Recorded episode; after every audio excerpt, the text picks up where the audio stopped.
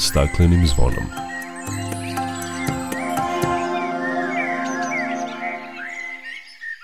Dobar dan i dobrodošli na Zeleni talas prvog programa radija Radio Televizije Vojvodine.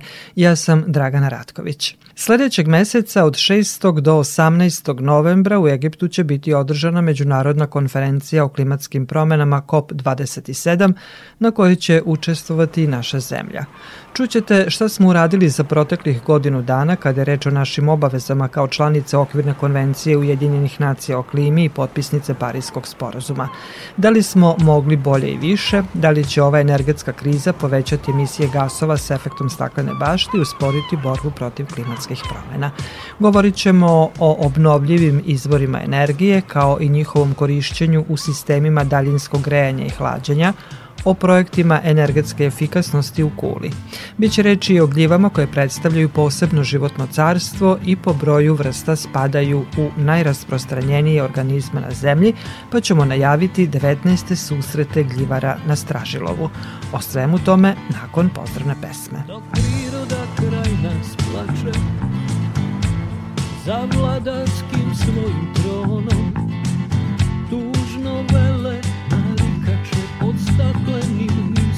zvonom. Znaj vazduha više nema Sve manje je i ozona. Protiv sebe ide čovek i to često bez pardona.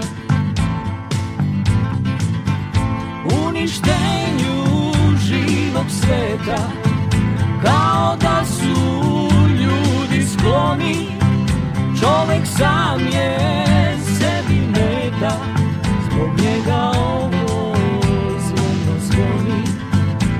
Uništenju živog sveta Kao da su ljudi skloni. Čovek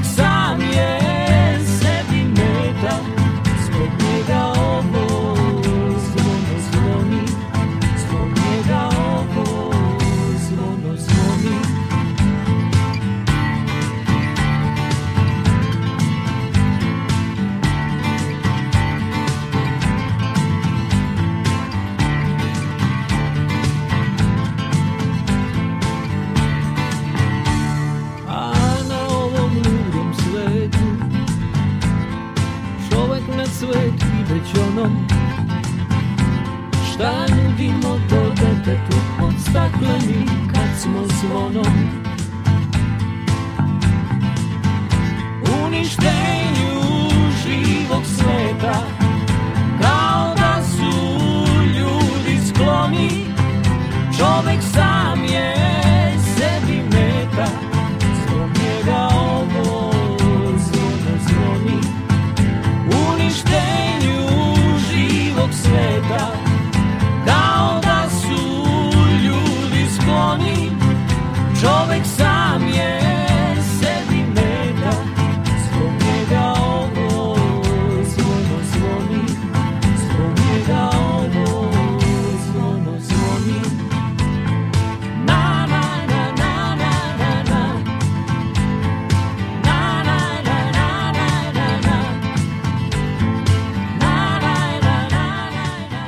Već nekoliko dana u Novom Sadu zbog početka radova na izgradnji privremenih objekata u okviru projekta Obilaznica oko Novog Sada sa mostom preko Dunava protestuju ekološki aktivisti na Ribarskom ostrvu na lokalitetu Šodroš. Oni su pokušali da spreče radnike kineske firme CRBC da postave ogradu, pa je reagovala i policija. Kako kažu, protive se nelegalnoj gradnji u tom delu koja će imati utice na živi svet i zbog toga od juna kampuju na Šodrošu. Investitor Koridori Srbije demantovao je navode iznete na protestu i u saopštenju navodi da poseduju neophodne dozvole i dokumenta za početak radova. Reagujući na proteste, gradonačelnik Miloš Vučević izjavio je da je most u generalni urbanistički plan ucrtan pre 71 godinu i od tada svi urbanisti, arhitekte i stručnjaci govorili su da most treba da bude urađen na tom mestu.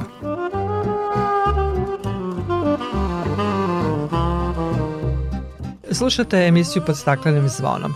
Sledećeg meseca u Egiptu u Sharm el-Sheikhu biće održana međunarodna konferencija o klimatskim promenama COP27 na kojoj će učestvovati i naša zemlja. Šta smo uradili za proteklih godinu dana od kada je reč o našim obavezama kao članica okvirne konvencije Ujedinjenih nacija o klimi i potpisnice Parijskog sporazuma?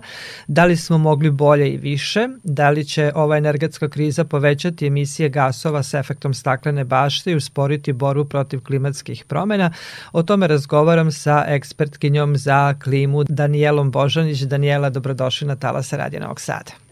Dobar dan, hvala na pozivu, zadovoljstvo mi je. Prošlog meseca na sednici Nacionalnog saveta za klimatske promene sumirani su rezultati i nekako definisani planovi za naredni period kad je reč o klimatskim promenama, a Srbija je pre nešto više od mesec dana usvojila i dostavila revidirani nacionalno utvrđeni doprinos sekretarijatu okvirne konvencije Ujedinjenih nacija o promeni klime. Kaže se da je cilj za više od tri puta ambiciozniji od prethodnog cilja koji smo postavili. Šta sadrži ovaj revidirani nacionalni utvrđeni doprinos i da li smo mogli bolje i više? Tako je, u avgustu mesecu smo usvojili i ovi doprinos i on pored onoga što je smanjenje emisije gasova sa efektom staklene bašte sadrži deo koji se tiče pogođenosti i potreba adaptacije na izmenjene klimatske uslove. Mislim da je jako bitno pomenuti i ovaj deo zato što prosto i prethodna godina i jako veliki suše, a boga mi i poslednja decenija, ako ne i više, pokazuju da je utice klimatskih promena i njegove posledice u smislu gubitaka i šteta u Srbiji jako veliki i značajan.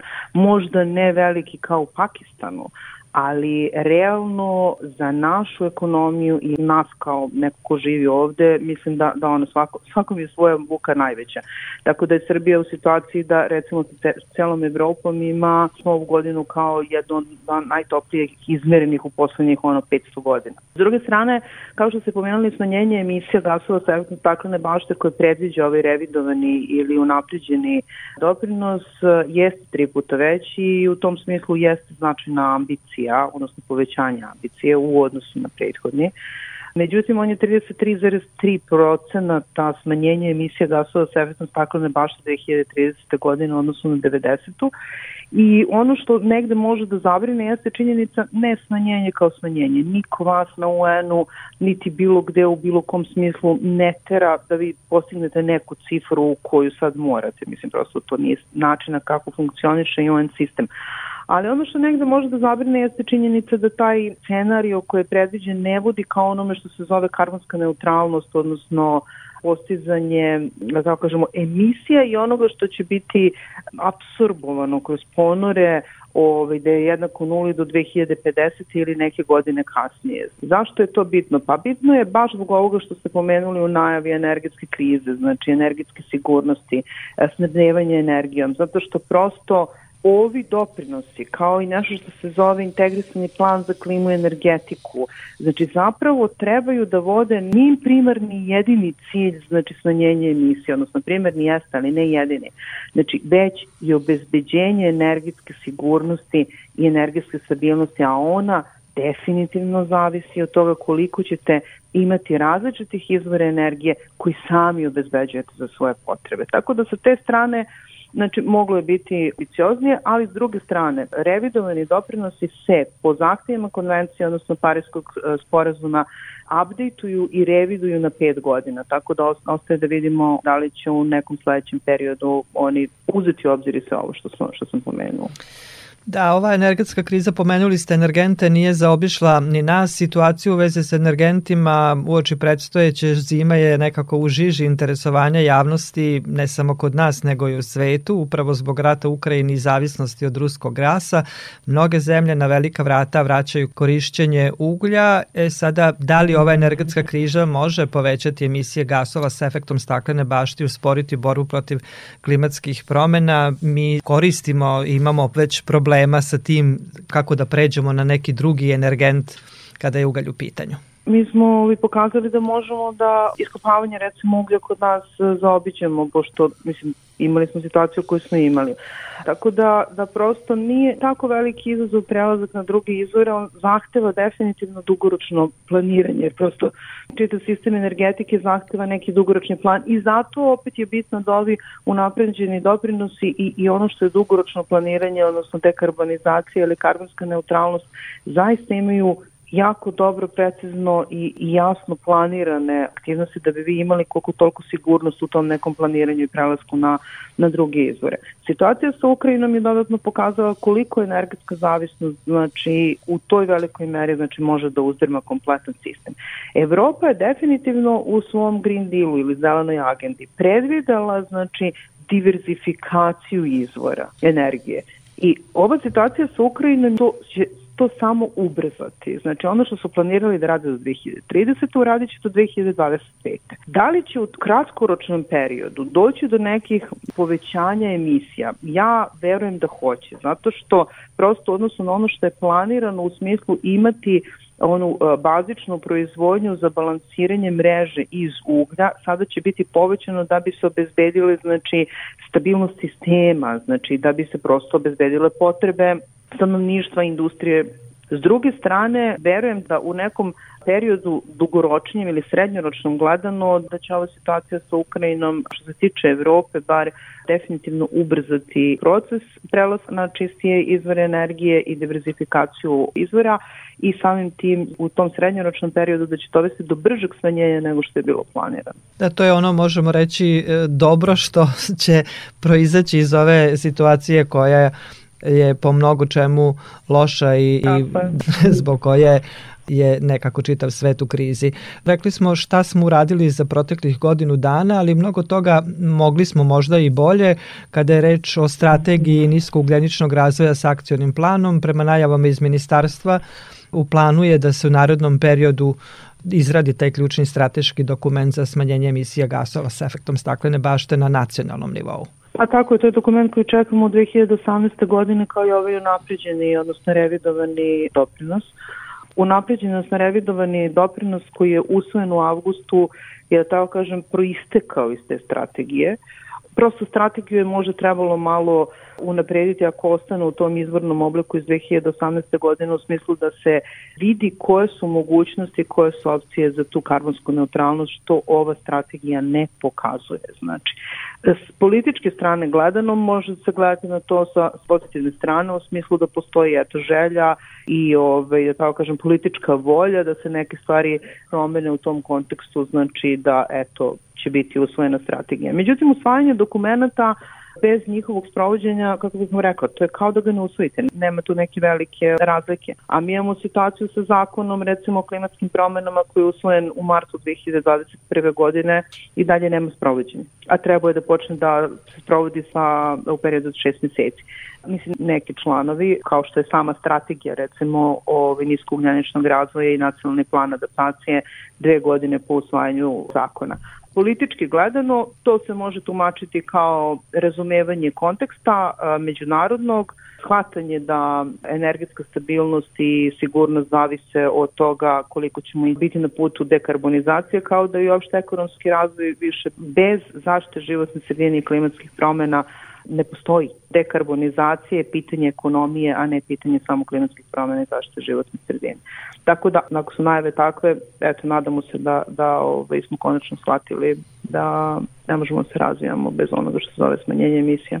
Sledećeg meseca u Egiptu biće održana međunarodna konferencija o klimatskim promenama. Šta će ove godine u kontekstu dešavanja u svetu biti glavne teme konferencije? Pa nekako očekivano s obzirom da je negdje iskustveno kada su konferencije u zemljama takozvanim u razvoju više su fokusi da tako kažem na ovaj, onome što se zove štete i gubici od klimatskih promena i adaptacija i posebno imajući u vidu prethodnu konferenciju u Glasgowu i ono što su, što su doneti zaključci i odluke, a koje su nekako ostale bez odgovora u većem delu po pitanju tog dela adaptacije na, na izmenjene klimatske uslove, ova konferencija definitivno ima fokus na onome što se zove obezbeđivanje finansijskih mehanizama za finansiranje takozvanih gubitaka i šteta koje su nastale kao posledica klimatskih promena. Ono što se zove e, povećanje budžeta ili finansiranja uopšte u adaptaciju, znači koje su zasnovane, odnosno koje će biti zasnovane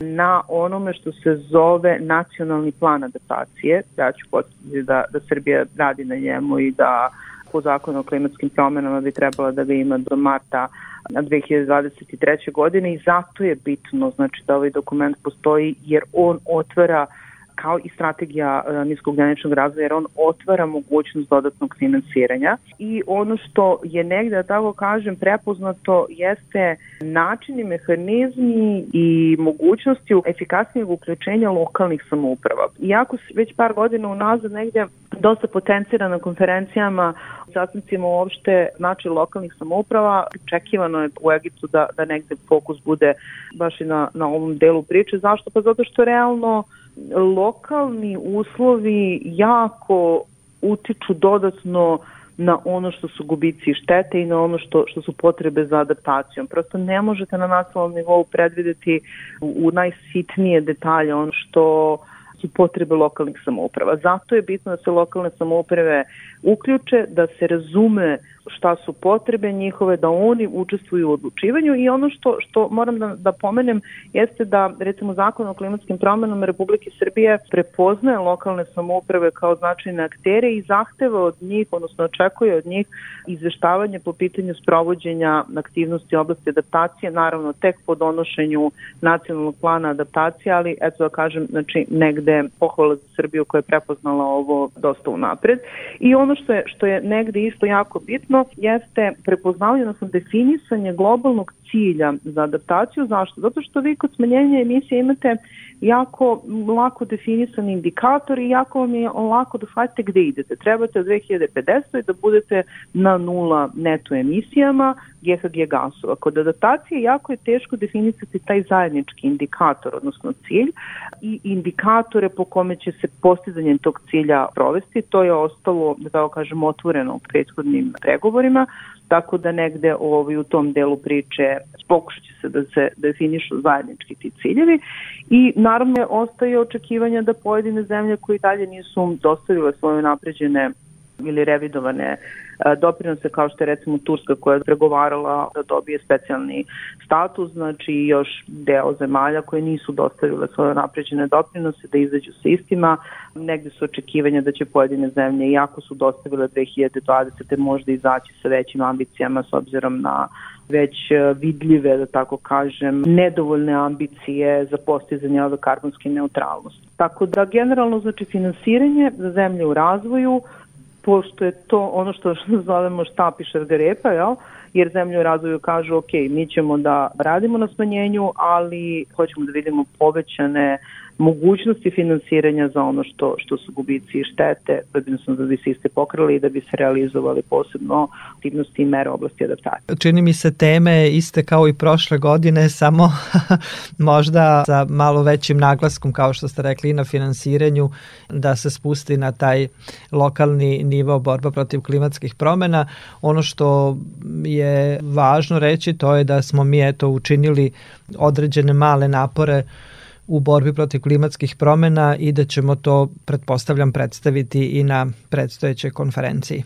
Koliko sam ja upoznata, da, postoji neke tendencije da se predstavi na nekom uh, pomoćnom događaju ono što, što je urađeno u poslednjih godinu dana, tako da definitivno treba iskoristiti priliku, treba prosto e, takve događaje koristiti, kažem, za postavljanje nekih mreža, za komunikaciju sa ljudima, za privlačenje fondova, investicija, donacija, na bilateralnom i, i, i ovaj, e, globalnom nivou, tako da, da svakako nije loše da tako kažem predstaviti šta je urađeno i da ima pomaka pa koliko god da oni možda nisu dovoljni ili da su mogli bolje, uvek može bolje. Da, uvek može bolje. Daniela, hvala vam lepo za razgovor i učešću u programu Radija Novog Sada. Hvala vama.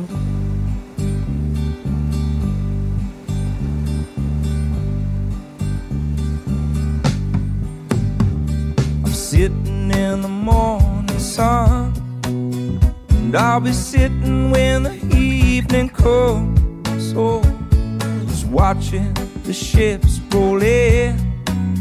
And then I'll watch them roll away again. Oh, I'm just sitting on the dock of the bay. Watching the tide roll away. Ooh, sitting on the dock of the bay. Wasting time.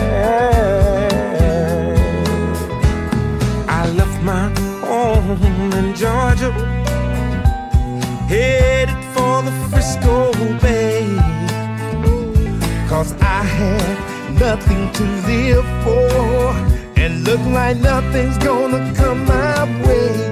So I'm just a sitting on the dock of the bay. Watching the tide roll away. Ooh, oh, sitting on, the dock of the bay. I'm wasting time.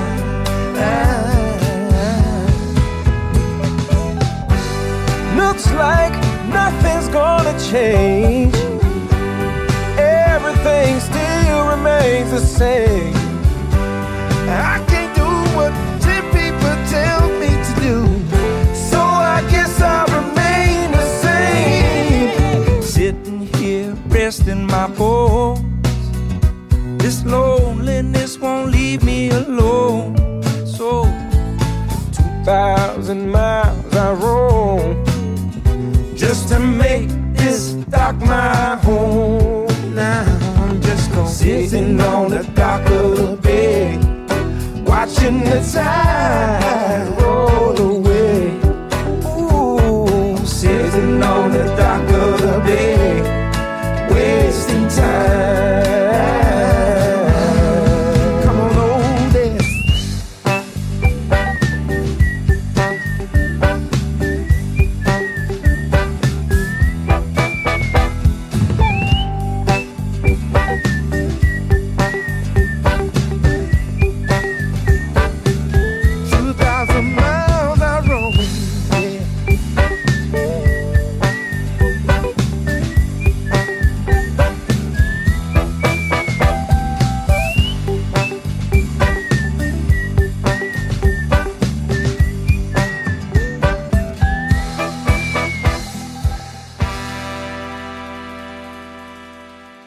Slušate emisiju pod staklenim zvonom. Međunarodni dan energetike i investicije, najveći forum za strane i domaće projekte, bit će održani 2. i 3. novembra na Novosadskom sajmu, a centralne teme ovogodišnjeg sajma su energija sunca, biomase, vetra, geotermalna energija, toplotne pumpe, energetska efikasnost i modeli finansiranja. Pokrajinski sekretarijat za energetiku, građevinarstvo i saobraćaj raspisao je tender za izradu metodologije lokalnih solarnih katastara sa ciljem promocije korišćenja solarne energije na području Vojvodine.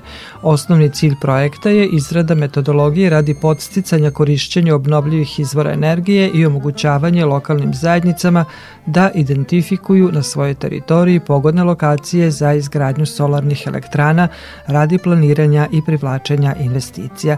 Tender je otvoren do 28. oktobra. O obnovljivim izvorima energije bilo je reči na konferenciji Sea Energy koja je održana u Novom Sadu.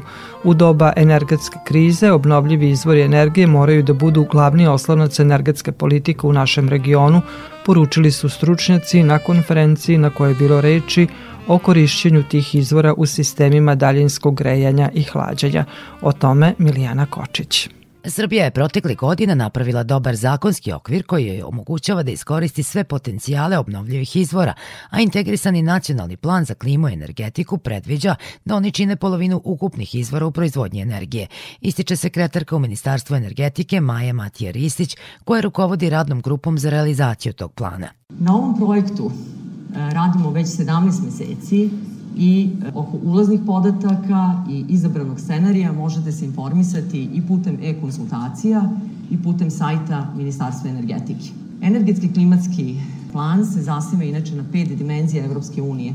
Sve je inače krenulo od politike uh, Clean Energy for All European, ali sada je Evropska unija krenula korak napred, tako da su se njihove politike pomerile još napred u ambicijama, Fit for 55 je novi paket mera koje očekuje članica Evropske unije, koje se sada na nas direktno ne odnose, ali to je put koji se može očekivati i u budućnosti. Fit for 55, da vam objasnim samo da je to da se očekuje smanjenje emisija gasova sa efektom staklene bašte do 2030. godine čak 55%. Mi očekujemo smanjenje emisija sa efektom staklene bašte u 2050. godini u odnosu na 2090. godinu 40,3%. Do 2050. 70%. Učešće obnovljivih izvora energije u bruto finalnoj potrošnji energije je u, u iznosu od 41%. To je sa LULCF, sa korišćenjem zemljišta, da, da sad ne ulazim u, u neku dublju tematiku. Učešće obnovljivih izvora energije u proizvodnji električne energije u 2030. je 49,1%.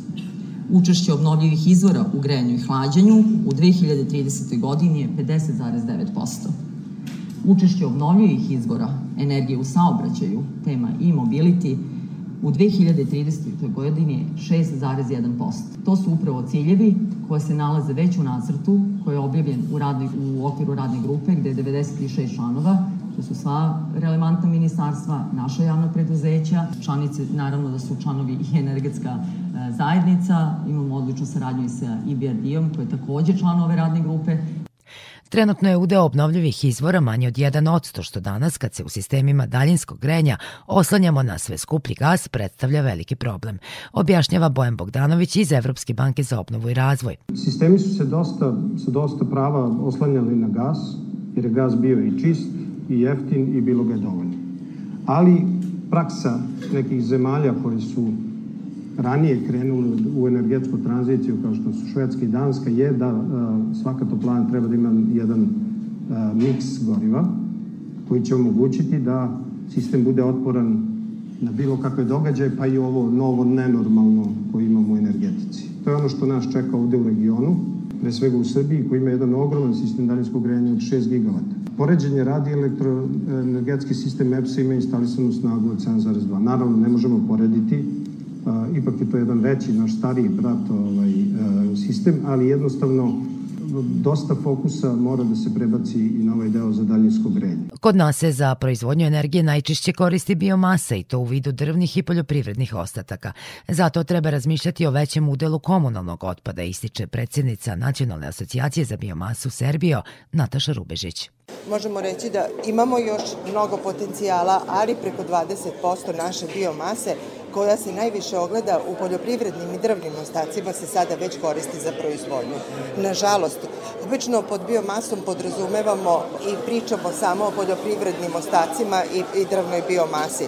Biomasa i komunalni otpad i stavljamo akcenat upravo na razvoj investicionih projekata, na promociju investicionih projekata i tehnologija koje će u svojoj osnovi imati upravljanje otpadom i proizvodnjom energije iz komunalnog otpada ova će biti tema koja nas očekuje u budućnosti i koja smatram da je izuzetno važna ne samo za životnu sredinu i zdravlje ljudi, nego predstavlja kroz model cirkularne ekonomije jedan izuzetno bitan oblik povećanja profitabilnosti ukupne naše privredne proizvodnje. Na konferenciji u okviru projekta Zapadni Balkan u energetskoj tranziciji bilo je reči i o upravljanju i iskorišćavanju biootpada, cirkularnoj ekonomiji, elektromobilnosti i potencijalima solarne energije.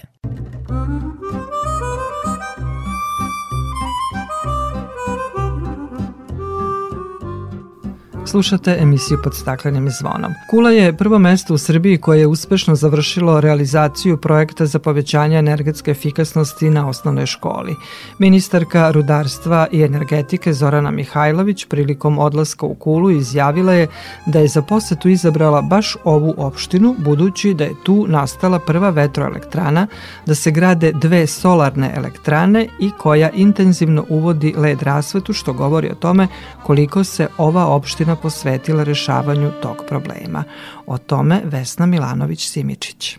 Kula je prvo mesto u Srbiji gde je realizovan projekat u okviru nacionalnog programa energetske sanacije objekata od javnog interesa, a reč je o osnovnoj školi Isa Bajić, koja je prva u državi završila projekat postavljanjem solarnih panela na krov zgrade.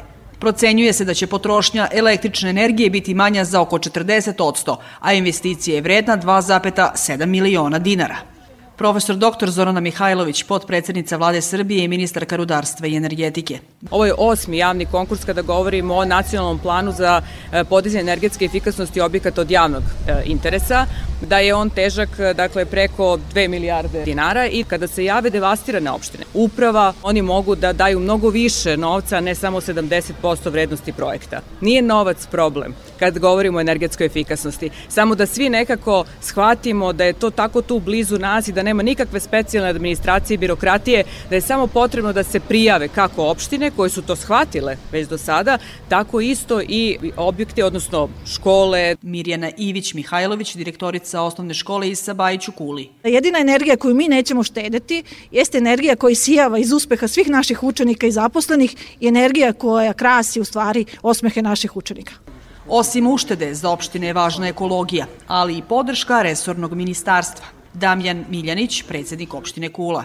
Solarne elektrane i za građane i za javne ustanove su jedna nova faza koja će afirmaciju ubeđen sam doživeti u sledećoj godini. Goran Nonković, načelnik Zapadnobačkog okruga.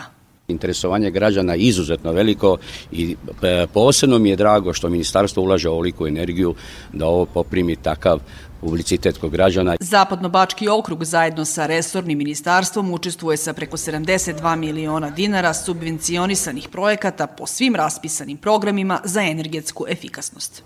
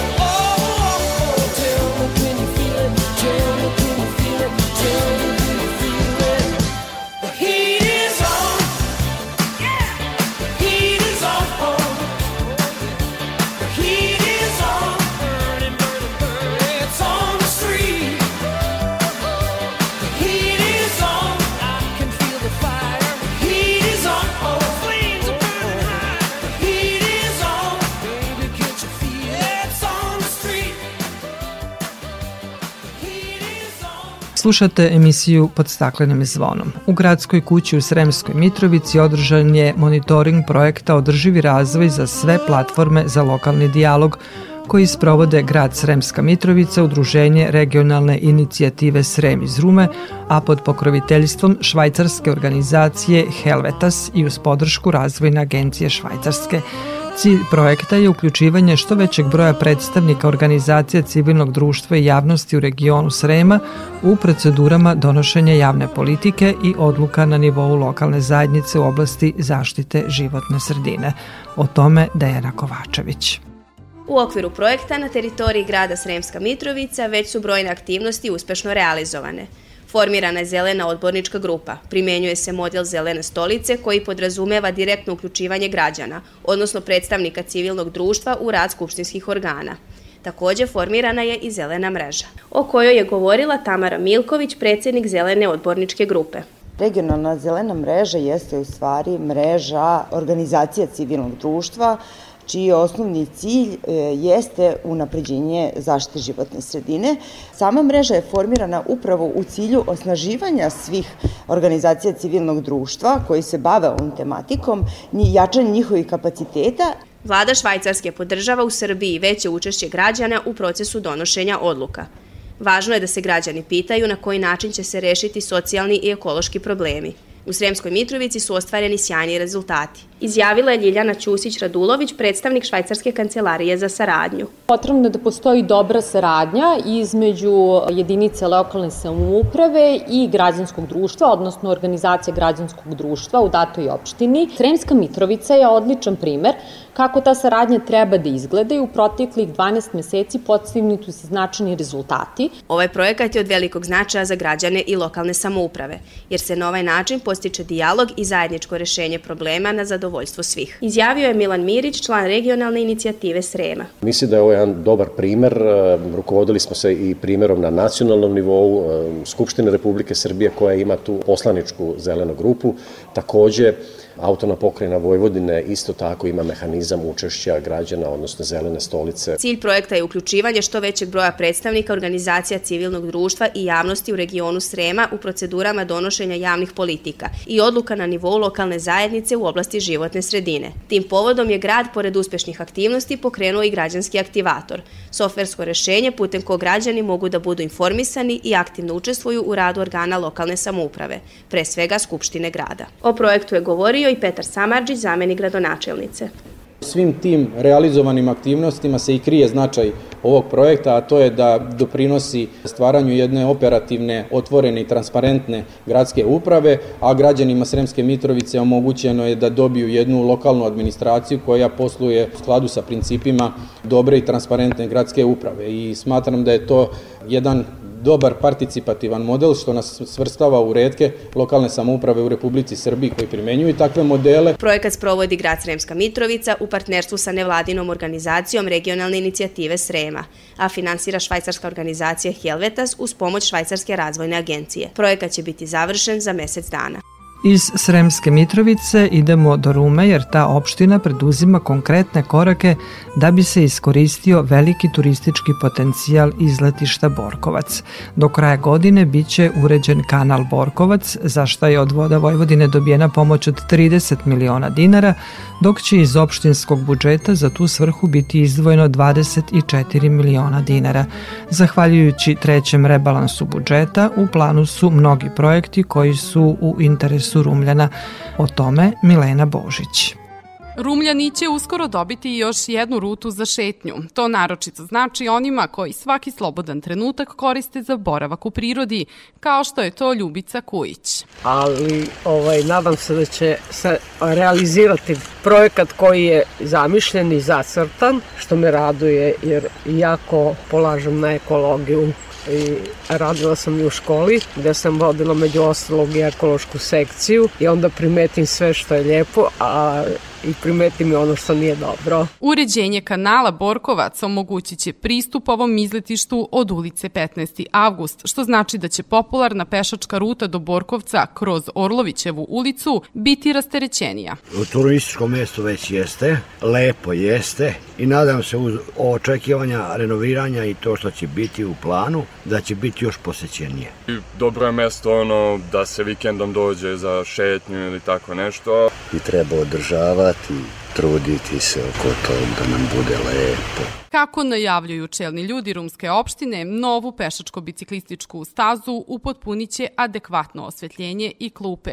U realizaciju se kreće do kraja ove godine, a počeće se od čišćenja kanala. Što tiče ekologije, veoma je bitno naglasiti da mi ulazimo u proces realizacije izgradnje pešačko-biciklističke staze duž potoka Borkovac od ulice 15. maj pa do samog Borkovca. Radimo ekspropriaciju zemljišta da bi se moglo ući u realizaciju, odnosno u izradu plana i e, realizacije samog e, tog toka. E, tu smo dobili podršku Voda Vojvodina, od njih dobijamo 30 miliona dinara, mi ulažemo 24 miliona dinara za čišćenje samog kanala i uređenje ove pešačko-biciklističke staze. Prema rečima nadležnih narednog leta, Rumljani, ali i svi posetioci, moći će da svoje vreme provode na novim i uređenijim plažama duž ovog jezera. Ono što će pre toga uslediti jeste uređenje prostora u samoj šumi oko starog bazena, na kojem će uskoro biti zasađeno 1700 novih sadnica. Kompletan park biće upotpunjen novim sadržajem za sve posetioce, a kroz celu ovu oblast prolazit će pešačko-biciklistička staza.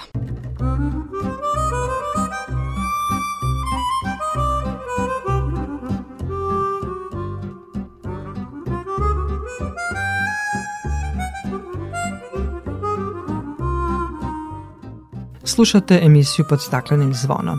Gljive prema broju vrsta spadaju u najrasprostranjenije organizme na zemlji. Danas je poznato oko 100.000 vrsta gljiva, a pretpostavlja se da ih ima 15 puta više. One nisu ni biljke ni životinje, već posebno životno carstvo. Od davnina ljudi ih koriste u ishrani, ali i medicini. Brojne su koristi koje imamo od gljiva, ali ako ih dovoljno ne poznajemo, možemo naići na veoma otrovne. Zato ako ih berete, morate dobro da ih poznajete, a ako ne, bilo bi korisno da odete danas na jesenju izložbu na Stražilovu koju organizuje Gljivarsko društvo Novi Sad. Tim povodom o gljivama razgovaram i sa članicom udruženja Majom Vasić. Maja, dobrodošli na talase Radio Novog Sada. Dobar dan, hvala na pozivu. Gljive predstavljaju veliku grupu organizama. Koja je njihova uloga u ekosistemu? Pa one su pred svega rastvarači, znači velika većina njih služe da se neživa materija pretvori ponovo u živu materiju, to jest u humus i životodavnu zemlju. Postoji mnogo gljiva koje nam služe za različite stvari, znači pored toga što svi znamo za samonikle jestive gljive, postoje gljive koje možemo koristiti kao lek. Mnoge od njih su nejestive jer su u drvenastoj formi, od njih se rade razni dekoksi, to, tinkture i tako dalje, mogu se koristiti topikalno ili oralno. Postoje mnoge gljive koje su takođe opasne za čoveka, ali su vrlo važno naglasiti važne za prirodu, zato što prosto tim nekim ekosistemima igraju važnu ulogu, prema tome čak i kada naiđemo na neku skupinu gljiva za koje sa sigurnošću znamo da su otrovne, smrtno otrovne i tako dalje, ne bi trebali uništavati, šutirati i tako dalje, jer prosto njihova uloga je važna kao što je uloga svakog živog bića na planeti bitna u nekom ekosistemu, makro ili mikro. Gljive možemo naći na raznim staništima, ali najviše ih ima u šumama. Sad pričamo o makromicetama, znači o gljivama čije plodna tela možemo da vidimo bez potrebe uveličavajućih sredstava, ali ako pričamo o askomicetama koje možemo vidjeti samo pomoću lupe ili jasnije uočiti uz uveličavajuća stakla, jednostavno njih ima svuda oko nas, svuda gde ima biljne mase, svuda gde ima lišća, trave i tako dalje.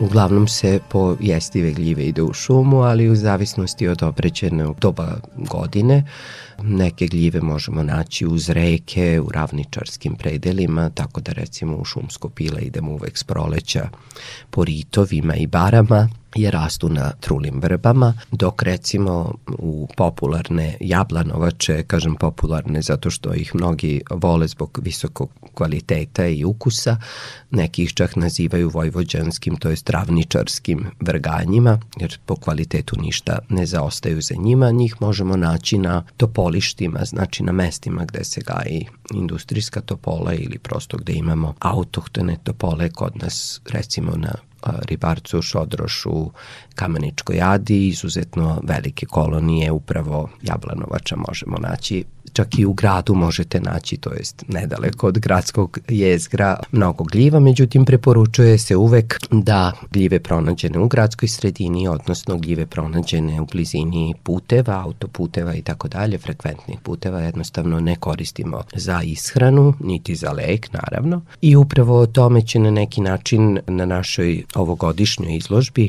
doktor e, Milana Rakić govoriti o tome kako određene gljive možemo koristiti za ishranu ili lek misleći da sebi činimo dobro, a u stvari ako one potiču sa kontaminiranog zemljišta, mi u stvari činimo sebi medveđu uslugu jer u telo na taj način unosimo različite teške metale i koješta, jer gljive su upravo kao i konoplja recimo veliki čistači u prirodi, tako da sve ono što je loše u zemlji će povući sa sobom. Tako da je negde bitno u nekom trenutku, pogotovo kada se te jestive gljive ili uopšte lekovite koriste za lek, da znamo sa sigurnošću da je to neki nekontaminirani teren. Recimo na, kod nas na Fruškoj gori na mestima gde su padale bombe 99. jednostavno nije preporučljivo ne zbog prisustva bombi, nego zbog mogućih različitih teških metala i tako dalje koji su ostali za takvim dejstvima. I moramo biti pažljivi i moramo da posjedujemo određeno znanje ukoliko želimo da beremo gljive i uzimamo gljive iz prirode. Mnogi vole gljive i koriste i u ishrani. Na koje gljive moramo obratiti pažnju da ih slučajno ne uberemo, a imamo ih ovde u našem okruženju? Okruženju? Pa kao prvo jako je važno da onaj ko gljivama ne zna ništa, znači ne zna da raspoznaje različite vrste, ne bere gljive za jelo, ako je sam ili ako i pronađe veću količinu gljiva iste vrste, da eventualno uzme jednu i da potraži nekog znalca koji će mu prosto pomoći u tome. Znači nikako uništavati stanište i brati ogromne količine gljiva, a pritom nemamo pojma šta smo ubrali i šta nosimo kući. Druga vrlo važna stvar je da gljive beremo na za to adekvatan način. Postoji nekoliko načina, ali svaka vrsta se razlikuje po tome koji je najbolji. I nikako ih hm, ne stavljati u najlonske kese i slično. Prosto gljiva mora da diše i određene vrste su vrlo lako i brzo devastiraju, tako da recimo Coprinus comatus ili velika gnojištarka, vrlo ukusna i cenjena gljiva, Ako ste daleko od kuće i trebaju vam nekoliko sati da do kuće sa tim ulovom dođete, bolje da je ne berete jer će se ona sasvim sigurno, pogotovo ako su malo više temperature, ovaj, devastirati i donećete crno mastilo kući umesto gljive. Jako je važno da znamo da postoji bukvalno smrtno otrovne vrste. Kod nas mislim na gljive Fruške gore i uopšte one koje možemo pronaći u ritovima pored Dunava, u Ravnici i tako dalje. Svi znaju za Amanitu faloides, popularnu zelenu pupavku koja se nažalost povodom ovog nemilog slučaja u Šapcu pominje češće poslednjih dana, ali kako da kažem njeno ime ne znači ništa običnom beraču ili planinaru koji je krenuo nešto da bere po šumi jer prosto ne zna o čemu se to radi. Nijedna gljiva ne, nema na sebi natpis. Druga jako važna stvar je da ne postoje jednostavni odgovori na to koja je gljiva jestiva, jer ljudi kada postavljaju takva pitanja misle da postoje neka univerzalna pravila i da sad recimo gljive koje su na panju se ne jedu, sve ostale se jedu ili gljive koje tamne, odnosno menjaju boju pri preseku, da su nejestive, što je takođe netačno, neke vrlo ukusne vrste ovaj, su upravo imaju tu karakteristiku. Tako da u svet gljiva se ulazi oprezno i lagano, uči se vrsta po vrsta, ne postoje prečice za nestrpljive, ne postoje akši načini koji bi im omogućili da na neki način to razvrstaju u startu, a da je nejestiva. Recimo urod amanite je specifičan po tome što sve gljive izlaze iz jajeta i ostatak tog jajeta zovemo vulva koji se nalazi pri zemlji, a ostatak koji se nalazi na klobuku su krpice. I sada kada pronađete znači neku gljivu koja ispod stabljike, to jest ispod ove te nožice ima vulvu, znate sigurno da se radi o gljivi iz roda amanita, to je njihova osnovna karakteristika, ali to ne znači da ste pronašli najotrovniju na svetu, možda ste čak pronašli amanitu cesarea koja je jedna od naših najcenjenijih, najkvalitetnijih i najrađe na stolu viđenih gljiva gljiva. Znači, imate u rodu amanita i one smrtno otrovne, ali i neke koje su prosto cenjene i tako dalje. Znači, prosto potržite iskusnog gljivara u svojoj okolini koji će vam biti mentor na određen način, koji će s vama u šetnje i bukvalno vas učiti vrstu po vrstu ili pak mnogo dugoročnije ovaj, rešenje je doći u Gljivarsko društvo Novi Sad. Mi svakog prvog utorka u mesecu imamo na Prirodno-matematičkom fakultetu na Departmanu za biologiju redovne sastanke u 19 časova. Rado primamo nove članove svih dobi i uzrasta i onda sa nama ići na terene, sa nama učiti, ponekad se na tim sastancima organizuju različita predavanja, naši iskusni članovi vrlo rado dele svoja znanja nesebično, Tako da svi koji su zainteresovani za svet gljiva su uvek dobrodošli. Da, svi koji su zainteresovani za svet gljiva mogu da dođu, dakle u nedelju 11 časova na Straživlovo gde će biti održani 19. susreti gljivara, gde mogu nešto više upravo da saznaju o svetu gljiva i da u razgovoru sa članovima gljivarskog društva pitaju ono što ih zanima. Kakav je program predviđen za ove susrete? U 11 časova u nedelju će biti svečano otvaranje otvaranje izložbe ove godine na Stražilovu u planinarskom domu. Postoje dva načina da do doma dođete, to je takođe važno da naglasim. Jedan je preko Bukovca i selišta gde možete parkirati i ostaviti kola vrlo blizu domu i to je u principu preporučljivije za eto malo manje pokretne, starije sugrađane, posetioce i tako dalje. Dok drugi način je preko Sremskih Karlovaca, dođete do Stražilova, imate onaj veliki parking pre rampe i onda lagano stazom glavnom kroz Tražilovo i sa desne strane ćete u nekom trenutku videti putokase za planinarski dom, malo je strma ta stazica, ali on nije daleko od glavnog puta, tako da svako ko ima iole kondicije i ko je navikao na šetnju kroz prirodu, neće mu biti neki poseban problem. Posle otvaranja posetioci će moći da vide znači, izložene različite vrste gljiva koje će naši determinatori precizno determinisati i predstaviti građanstvu. Takođe, pored stolova gde će se nalaziti determinisane gljive će biti članovi našeg društva koji će zainteresovanima pružati informacije koje oni budu želeli, a onda sve vreme će se naša kuvarska ekipa baviti pripremom različitih zalogajčića od gljiva i naši kuvari spremati e, gljivarski paprikaš, odnosno gljivaš, tako da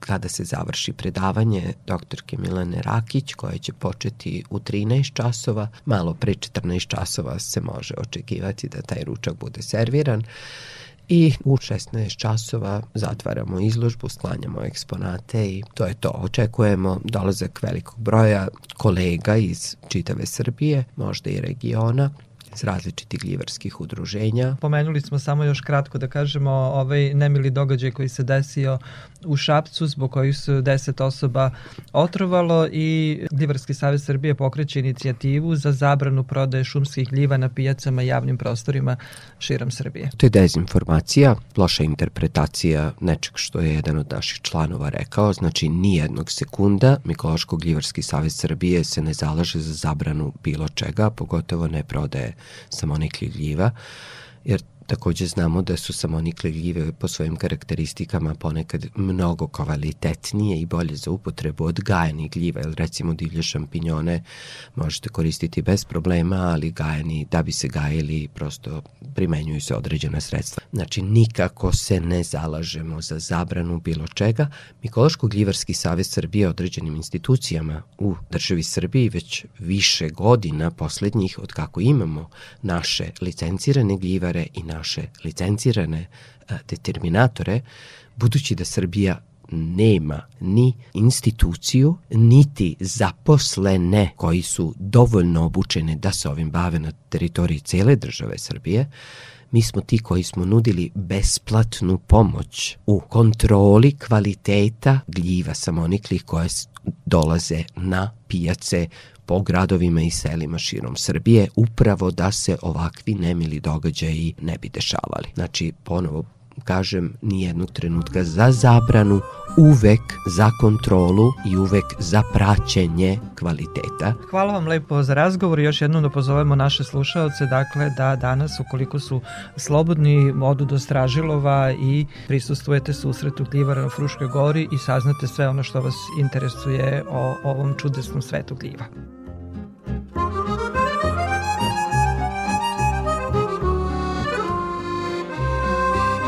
Iskoristite ove lepe dane koje meteorolozi najavljuju do kraja oktobra i više vremena provodite u prirodi. Danas možete otići na Frušku goru do Stražilova i da posetite izložbu Glivarskog društva Novi Sad. Toliko u ovom izdanju emisije pod staklenim zvonom koju možete slušati odloženo na podcastu Radio Televizije Vojvodine na adresi rtv.rs. Na pažnji vam zahvaljuju Violeta Marković, Zoran Gajinov i Dragana Ratković. Naredni susret zakazujemo za sedam dana u isto vreme na zelenom talasu prvog programa radija Radio Televizije Vojvodine.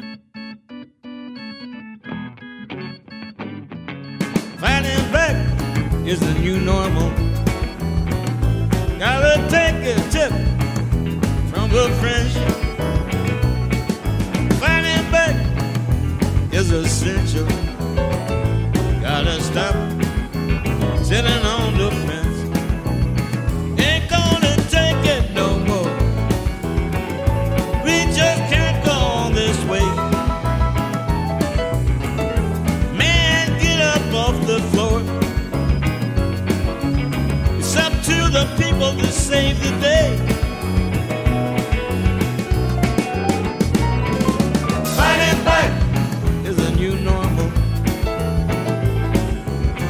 A tip from the French. Fighting back is essential. Gotta stop sitting on the fence.